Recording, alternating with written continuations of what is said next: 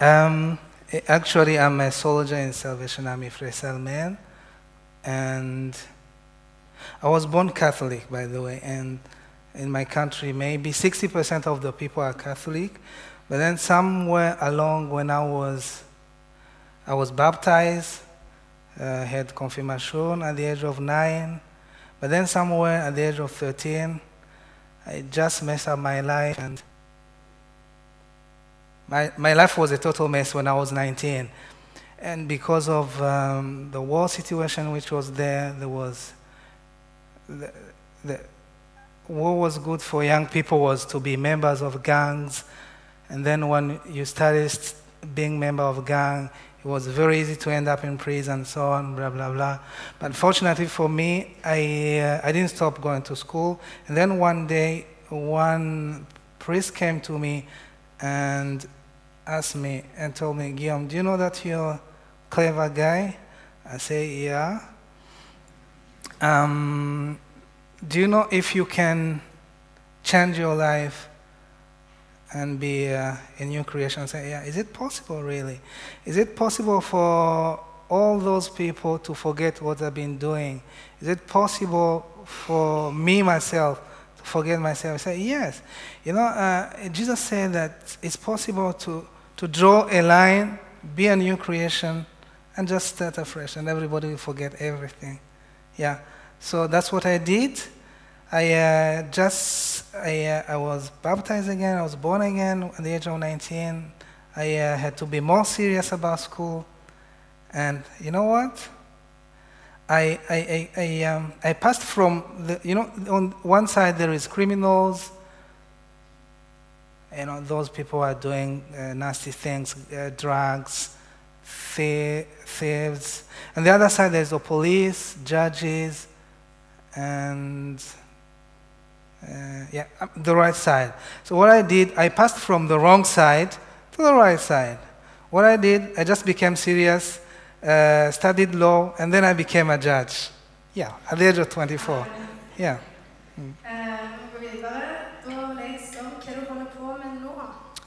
Uh, nå jobber jeg med Frelsesarmeen uh, i fengsel.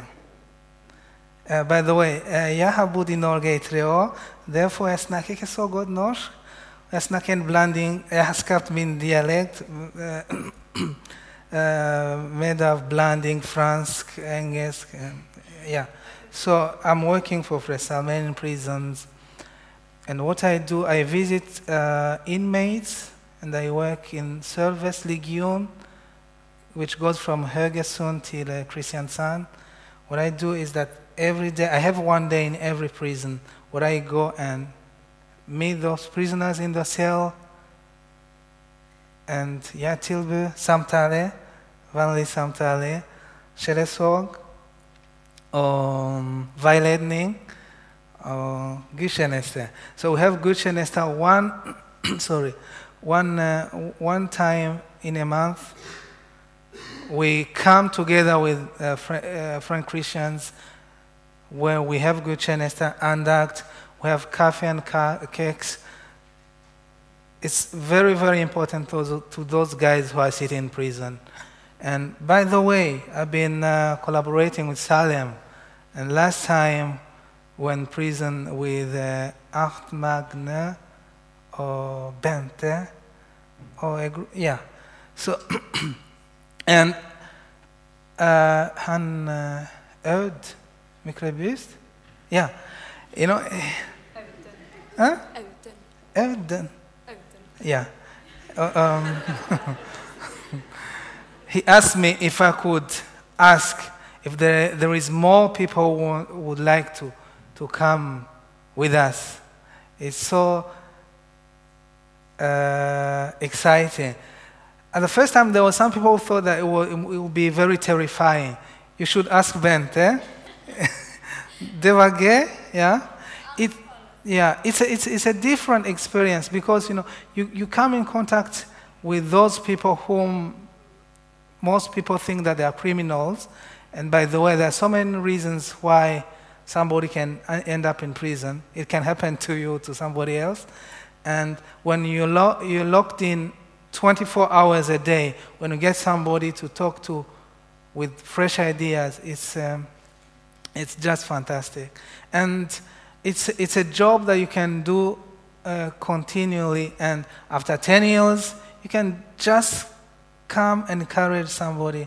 So if there is somebody who would like to join us, he can uh, contact Audun. He can, uh, yeah, yeah, yeah, yeah. Actually, I know Aud is a. Oh, sorry, Aud is a girl. Audun Myklebust, yeah, or Art Magne. Yeah, Du, da skal jeg ta og spille litt før du skal få lov til å ta. Ja. Skal jeg bare ta den? Ja. Kjære far, eh, du ser Guillaume står der nå og skal tale. Jeg ber om at du må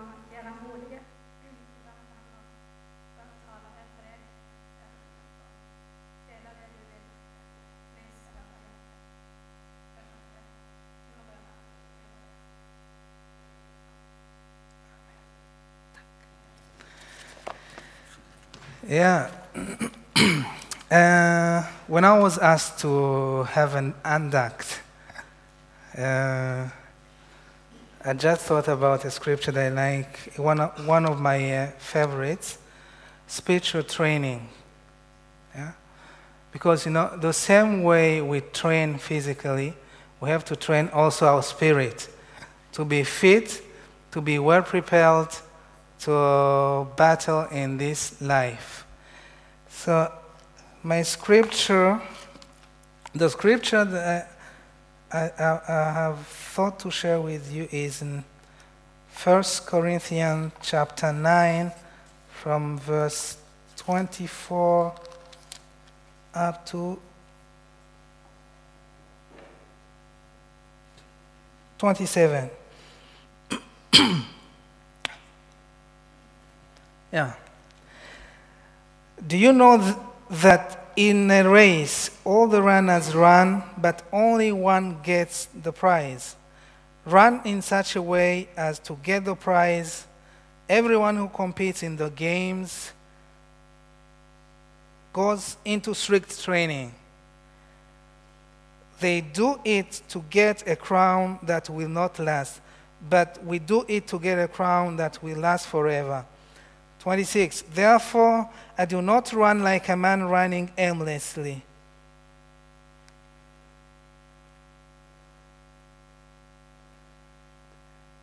Uh, what is the word for aimlessly? 26. Oh. Huh? Aimlessly. 20.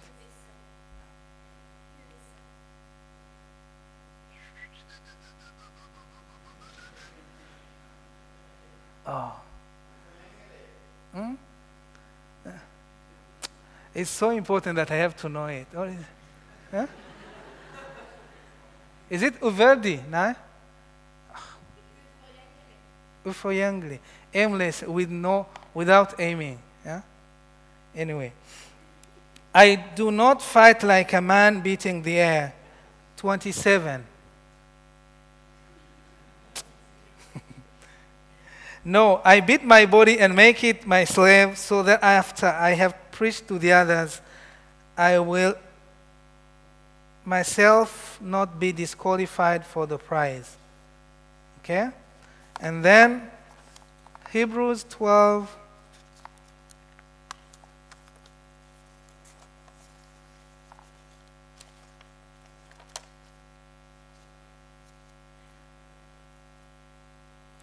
Yes. Hebrews 12, verse 2. Let us fix our eyes on Jesus, the author and perfect of our faith, who for the joy set before him endured the cross, scorning its shame, and sat down at the right hand of the throne of God. Verse 7. okay, let me be quick. From verse 7 up to 12, it talks about discipline. As you know, there's no training without discipline. Yes. Endure hardship as discipline. God is treating you as sons. For what son is not disciplined by his father? If you're not disciplined, and everyone under God disciplined, then You are illegitimate children and not true sons. Moreover, we have all had human fathers who discipline us and respect them for it. How much more should we submit to the Father of our spirits and life? Our fathers disciplined us for a little while as they thought best, but God disciplines us for our good that we may share in His holiness. No discipline seems pleasant at the time, but painful. Later on, however, it produces a harvest of righteousness and peace for those who have been trained by it. Therefore, strengthen your feeble arms and weak knees. Make level path for your feet, so that the lame may not be disabled by, but rather healed. Yes. yes, I, uh, as I said, I to talk about this topic because I've realized that my uh, almost 40 years that it's very important to have a strong mind, a strong spirit. You might train physically, but when your mind is not strong, you weak. Haven't you seen guys who look powerful, but when problems comes, that's on. Yeah? On the other hand, there are people who look not fit physically, but because their mind is strong, because they have trained their mind, nothing of what happens on this earth affect them. Anyway, as you know, we are as human beings, we are made of body, spirit, body, soul, and mind. Okay, we can just simplify soul and mind as spirit. And we all see it on television that if you don't train your body, you have to run or to walk at least 30 minutes a day. Otherwise, you get diabetes or, I don't know, cardiovascular disease and so on. In the same way, if you don't train your spirit. Uh, we've read about race. I would compare the race with the life we live here. And as a race, we are running on this earth. And somewhere along the path, problems come depression, anxiety, and so on.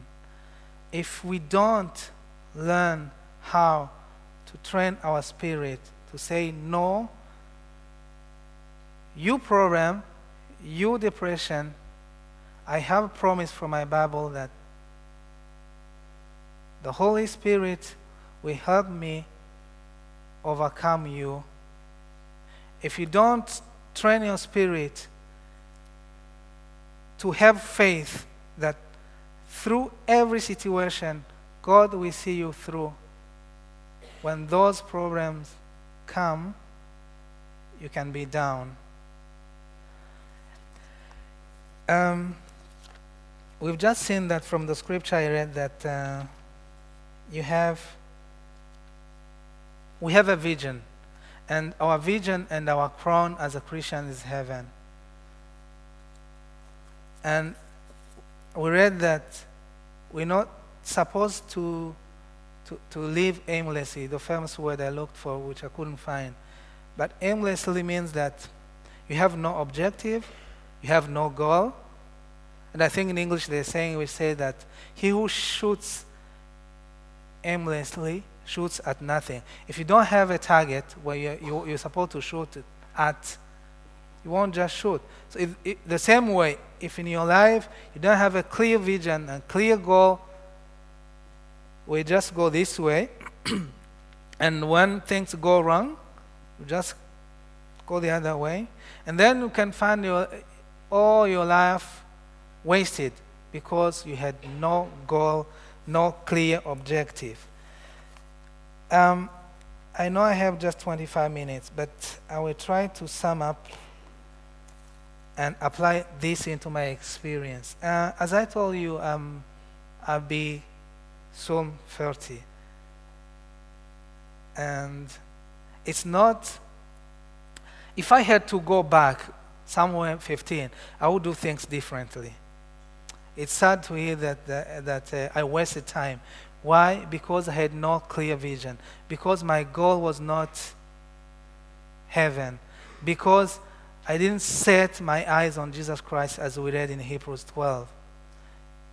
I'm sure if I would go back and fix my goal to Jesus, I wouldn't have end up in those uh, nasty and uh, doomy things. May I youth. Um, when I became a Christian, I trained hard my uh, spirit. By the way, I don't know if you heard about Oslo Marathon, September 26th. Uh, yeah? Är det någon som ska vara? Oh, come on.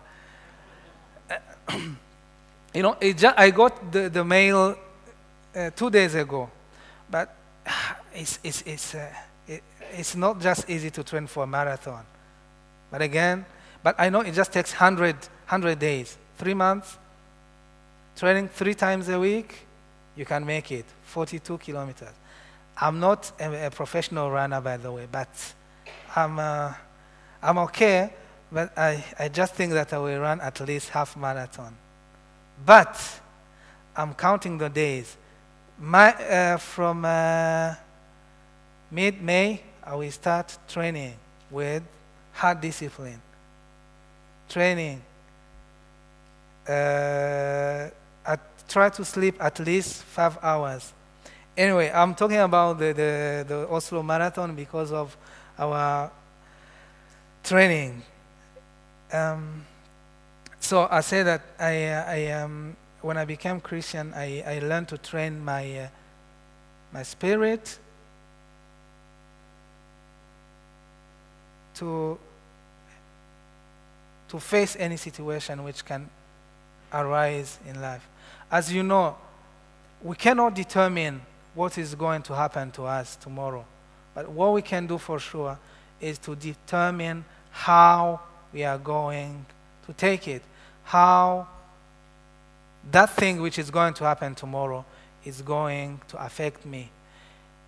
Because I have to promise from my Bible that God will, will see me through, no matter who's died, no matter how my financial situation is, I won't just focus on it, I'll just continue. And one thing I've learned when, uh, after training my spirit, is to enjoy my everyday's life. I can clearly say that now, today, yes, of course, I'm not a supernatural man, but things which used to affect me before, 15 years ago, they don't now.